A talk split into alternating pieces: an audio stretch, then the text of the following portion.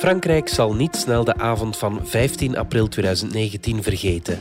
Een zware brand legde grote delen van de iconische Notre-Dame in de as.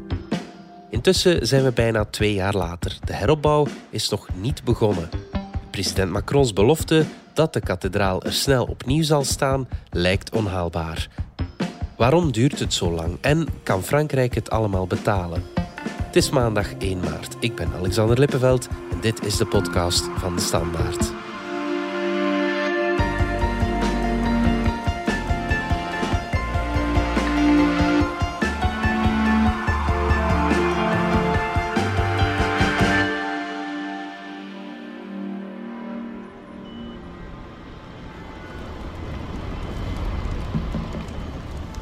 Passé ce soir à Paris et dans cette cathédrale Notre-Dame est évidemment euh, un terrible drame.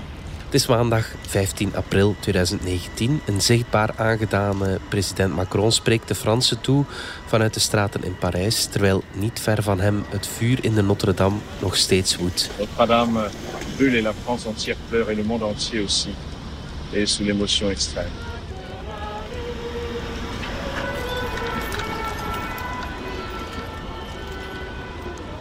President dankt de brandweermannen voor hun moed en hun professionaliteit en hij belooft dat de kathedraal heropgebouwd zal worden. Nous rebâtirons Notre-Dame parce que c'est ce que les Français attendent. Parce que c'est ce que notre histoire mérite. Parce que c'est notre destin profond. Want de Notre-Dame, dat is Frankrijk. Dat is de geschiedenis van Frankrijk. Dat is de ziel van Frankrijk. En de fierheid ook van het land. Notre-Dame de Paris, c'est notre histoire, notre littérature, notre imaginaire, le lieu où nous avons vécu tous nos grands moments, nos épidémies, nos guerres, nos libérations. C'est l'épicentre de notre vie. C'est tant de livres, de peintures, En dus moet en zal de Notre-Dame uit haar as herrijzen. Jolien de Bouw, Frankrijk-correspondent van de Standaard. Laat ik maar meteen met de deur in huis vallen. Wanneer is het zover? En kan ik de Notre-Dame weer gaan bezoeken? Nu dus nog niet. Hè. Uh, die heropbouw is zelf ook helemaal nog niet begonnen. Uh, Dat zal pas eerder eind van dit jaar zijn dat ze daar echt aan kunnen beginnen.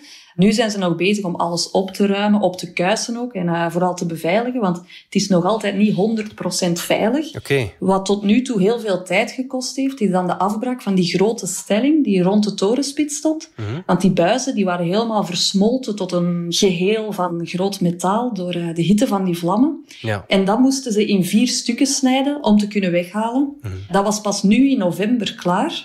En dan is er wel een zucht van opluchting door heel het land gegaan, want uh, de kans bleef bestaan dat die stelling nog ging invallen en uh, nog een deel van het gewelf met zich zou meesleuren, waardoor dat de Notre-Dame het uiteindelijk toch nog helemaal zou, zou begeven. Waarom stonden er dan stellingen rond die torenspits? Uh, ze waren die torenspits aan het renoveren mm. op het moment dat, uh, dat die brand uitbrak. Dus waren die stellingen nog aan het zetten. En uh, de werken waren daaraan begonnen. Daarom stonden er al stellingen rond de kathedraal. Het weghalen van die afgebrande stelling, dat was niet de enige moeilijkheid. Hè? Klopt. Nadat die stelling was weggehaald, begon er dan weer een ander huzarenstukje, namelijk het orgel. Dat bestaat uit uh, iets van een 8000 delen. Te demonteren om dat helemaal te kunnen opkuisen. Mm-hmm. Uh, en pas wanneer dat orgel weg is, kunnen ze verder met de gewelven te ondersteunen met van die grote houten constructies.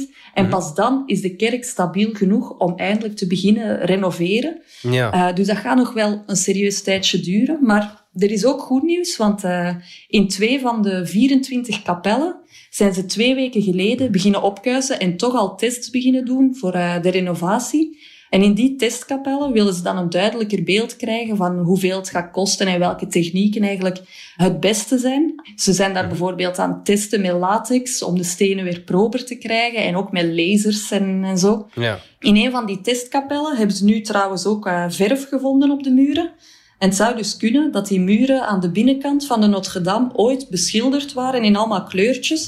Net als de buitenkant. Dus ze, ze zijn ook echt nog ja, dingen aan het ontdekken. Voilà, het wordt nog een archeologisch onderzoek eh, daarmee Ja. ook natuurlijk. En dat neemt natuurlijk allemaal veel, veel tijd in beslag. Ja. Wat maakt dat 2024, het eh, ambitieuze doel van eh, de ambitieuze president Macron, ehm, wel zeer, zeer nipt lijkt. En bijvoorbeeld Emmanuel Grégoire, de van stedenbouw in Parijs, die heeft onlangs gezegd dat de werken pas ten vroegste in 2025 klaar zullen zijn.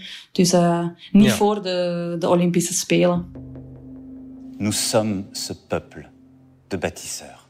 Nous avons tant à reconstruire. Alors oui, nous rebâtirons la cathédrale Notre-Dame plus belle encore. Et je veux que cela soit achevé d'ici cinq années. Nous le pouvons. Die belofte haalt Macron dus niet, maar ik vind het nog altijd gigantisch snel om een halve kathedraal bijna opnieuw op te bouwen en dan nog een icoon van Frankrijk. Dat is het ook, hè. het is een icoon. Hè. Heel, heel het land bundelt als het ware zijn krachten. Hè. Het is echt het hart ook van Parijs. Hè. Er is ook wat vertraging opgelopen, enerzijds door corona, anderzijds door een probleem met lood. Leg dat eens uit. Ja, dus eh, in de zomer na de brand hebben ze de werf al een eerste keer moeten stilleggen, omdat er inderdaad te veel lood was gevonden. Je moet weten, dat dak en ook die torenspits bestonden grotendeels uit lood. En met die, die hitte van de vlammen is dat gesmolten, zo'n 200 eh, ton lood. Ze zijn dan daarna de loodwaarde gaan meten in de omgeving. En die lagen echt gigantisch hoog, tot eh, 800 keer hoger dan toegelaten. Ze hebben toen aan de mensen uit de buurt ook gewoon gevraagd om hun huis op te kuisen met eh, vochtige doekjes. Daar is dan achteraf heel veel kritiek op gekomen, uiteraard. En eh, die waarden lagen natuurlijk in de kerk zelf nog veel hoger. Dat was, dat was echt dramatisch. Ja. En de arbeidsinspectie heeft dan besloten om die werf stil te leggen, omdat de werkmannen gewoon een simpel mondmaskertje op hadden. Dat moest allemaal eerst in orde komen om het terug veilig te kunnen laten verlopen. En dat lood is nu ook nog de voornaamste reden dat bijna niemand de kerk binnen mag. Wie nu naar binnen gaat, dus ook de werkmannen, telkens die binnen gaan en weer buiten gaan, moeten die zich volledig omkleden in een wegwerpbare outfit, eh, onderbroek inclusief. Wanneer ze dan weer weggaan, moeten ze eerst een douche nemen. Nu, die werkmannen die laten maandelijks hun bloed ook controleren. Ja. En daar is voorlopig nog niks verontrustend uitgekomen. Maar dat heeft er natuurlijk wel voor gezorgd dat die werken eh, een maand hebben stilgelegen en vertraging hebben opgelopen. ja. Eh, en dan natuurlijk, ja, corona eh, is dan nog wat roet in het eten komen gooien. Dat is in heel de wereld zo natuurlijk. Ja. Klopt. en eh, toen Frankrijk dan in maart in, in lockdown ging, werden alle werven ook stilgelegd, waaronder dus die van de Notre-Dame. En eh, voor zes weken deze keer. En dat was net op het moment dat ze gingen beginnen met eh, het afbreken van die stelling. Dus dan was er ook wel een beetje paniek, omdat het gevaarlijk bleef. En ook nu zorgt dat allemaal nog voor vertraging, want eh, dat werkvolk moet daar nu rekening houden met en strenge coronaregels en strenge regels voor die loodvervuiling. Bon, dat werkt die deadline van 2024 of 25 allemaal niet in de hand natuurlijk. Nee, klopt.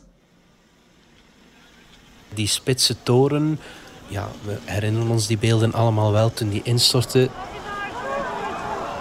President Macron die zei ooit dat hij die niet zou nabouwen, maar die wil vervangen door iets eigentijds. Nu gaat men die toren toch exact nabouwen. Hè? Mhm. Ja, Macron die vond dus dat het na Viollet-le-Duc die de toren inderdaad pas achteraf er heeft opgezet. Dat was helemaal niet het originele. Hij vond dus dat het nu misschien het uitgelezen moment was om er weer iets helemaal nieuws van te maken en eh, er zijn stempel op te drukken ook wel. Daarop hebben een heleboel architecten van ook overal voorstellen gedaan. Het ene al gekker dan het andere. Het dak zou een grote serre vol met biogroenten worden of zelfs een zwembad. En eh, de torenspits zouden ze in glas herbouwen of gewoon met lichtstralen rechte hemel insturen. Ja. Ehm, dat was er toch allemaal een stapje over voor de meeste Fransen die daarover begonnen te klagen en te mopperen. En eh, vooral ook typisch Frans dan weer, uh, dat dat van bovenaf door de president beslist werd dat er zo'n architectuurwedstrijd zou komen. Hm. Dat vonden die Fransen al helemaal niet kunnen. Uh, Zij vinden dat het volk daarbij geraadpleegd moet worden. Mhm. En daar is serieus ruzie over gemaakt. Want uh, bijvoorbeeld de architect die de renovatie in goede banen moest leiden, mhm. die was een voorstander van een identieke herstelling. En die zei tegen generaal Gorgelin, die de werf leidt en voor een modernisering is, net zoals Macron, de fermer sa gueule. Dus okay. daar, daar zijn denk ik wel harde woorden gevallen. En, en bon, de, de publieke opinie was ook overtuigd voor een identieke renovatie. En uh, dat heeft dan Macron zijn kar wel laten keren. Ja, maar is dat ergens ook geen gemiste kans als ze die er toch achteraf hebben opgeplaatst? Ja, bon, dan ben hm. je misschien niet zo verplicht om zo dichtbij ja, wat het was te blijven. Want het lijkt mij veel moeilijker om iets exact na te bouwen dan, dan, dan iets helemaal nieuws te verzinnen. Hè? Dat is zeker waar. Maar een gemiste kans zou ik het niet noemen. Want als ik zo rondhoor bij Parijzenaars en bij Fransen in het algemeen, hoor ik toch echt unanimiteit voor een identieke reconstructie. Ja. Uh, dat was natuurlijk ook wel het geval toen ze piramides gingen zetten in het Louvre. Uh, en daar is nu ook uh, iedereen heel blij mee. Mm -hmm. Maar uh, de kans bestaat wel nog altijd dat het plein rond de Notre-Dame, dat gaan ze ook helemaal heraanleggen, en dat dat dan een moderne toets gaat krijgen. Dus dat dat een beetje zoals de Carousel du Louvre gaat worden.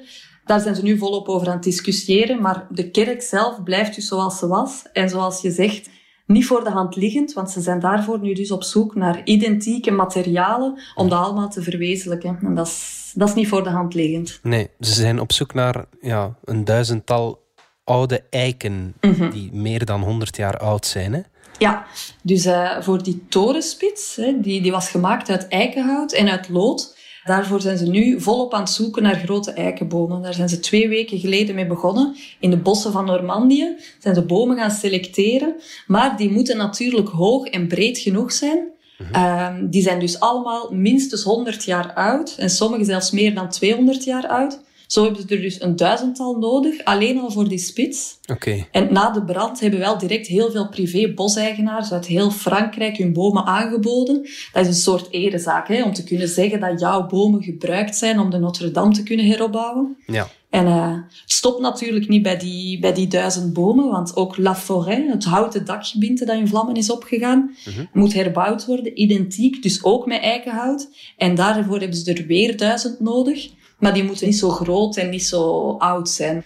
Maar bon, volgens het bosagentschap zijn er in Frankrijk meer dan een miljard eiken. Dus 2500 zou wel moeten lukken. En hout is niet het enige waar ze naar op zoek zijn, hè? Nee, er is ook nog een uh, grote zoektocht naar stenen. Want uh, de muren van Notre-Dame die zijn gemaakt met van die typische Parijse kalksteen. Ja. En een deel van die stenen zijn in de middeleeuwen ontgonnen uit de Parijse ondergrond. Um, sommige van die steengroeven zijn later trouwens gebruikt om uh, miljoenen mensen in te begraven. Nou, die catacomben kan je nu ook uh, bezoeken in Parijs. Ja. Nu zijn er natuurlijk in Parijs zelf geen stenen meer te, te rapen. En het is sowieso altijd heel moeilijk om die stenen te vinden wanneer ze in Parijs monumenten willen renoveren. Want die zijn bijna allemaal gebouwd in die, in die typische steen. Okay. Meestal gaan ze dan alternatieven zoeken, maar dat is nu dus geen optie, omdat het identiek moet zijn. En er zijn nog een tiental groeves waar ze van die stenen ontginnen. Uh, rond Parijs en iets verder in Picardie. Mhm. Die hebben nu allemaal staaltjes gegeven om te bekijken hoe dicht dat allemaal bij het origineel komt. En dan kijken ze naar de kleur, hoe groot de korrel is in die stenen en ook naar fossielen erin enzovoort. Mm dat moet allemaal zo dicht mogelijk bij het origineel zijn. Nu is nog maar de vraag of die tien steenmijnen gaan kunnen voldoen aan de vraag. Er is zelfs al sprake van om uh, nieuwe groeves te gaan openen, speciaal voor de Notre-Dame. Ja. We zijn terug na de reclame.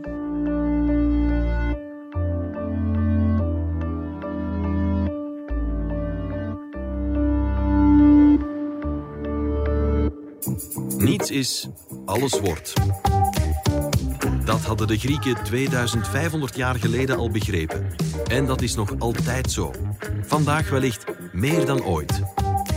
Maar hoe vind je je weg in een wereld die almaar sneller verandert? Kennis is het beste kompas, weten we bij BNP Paribas Fortis. En kennis hebben we en delen we graag. Dat doen we ook in de podcast Stand van Zaken.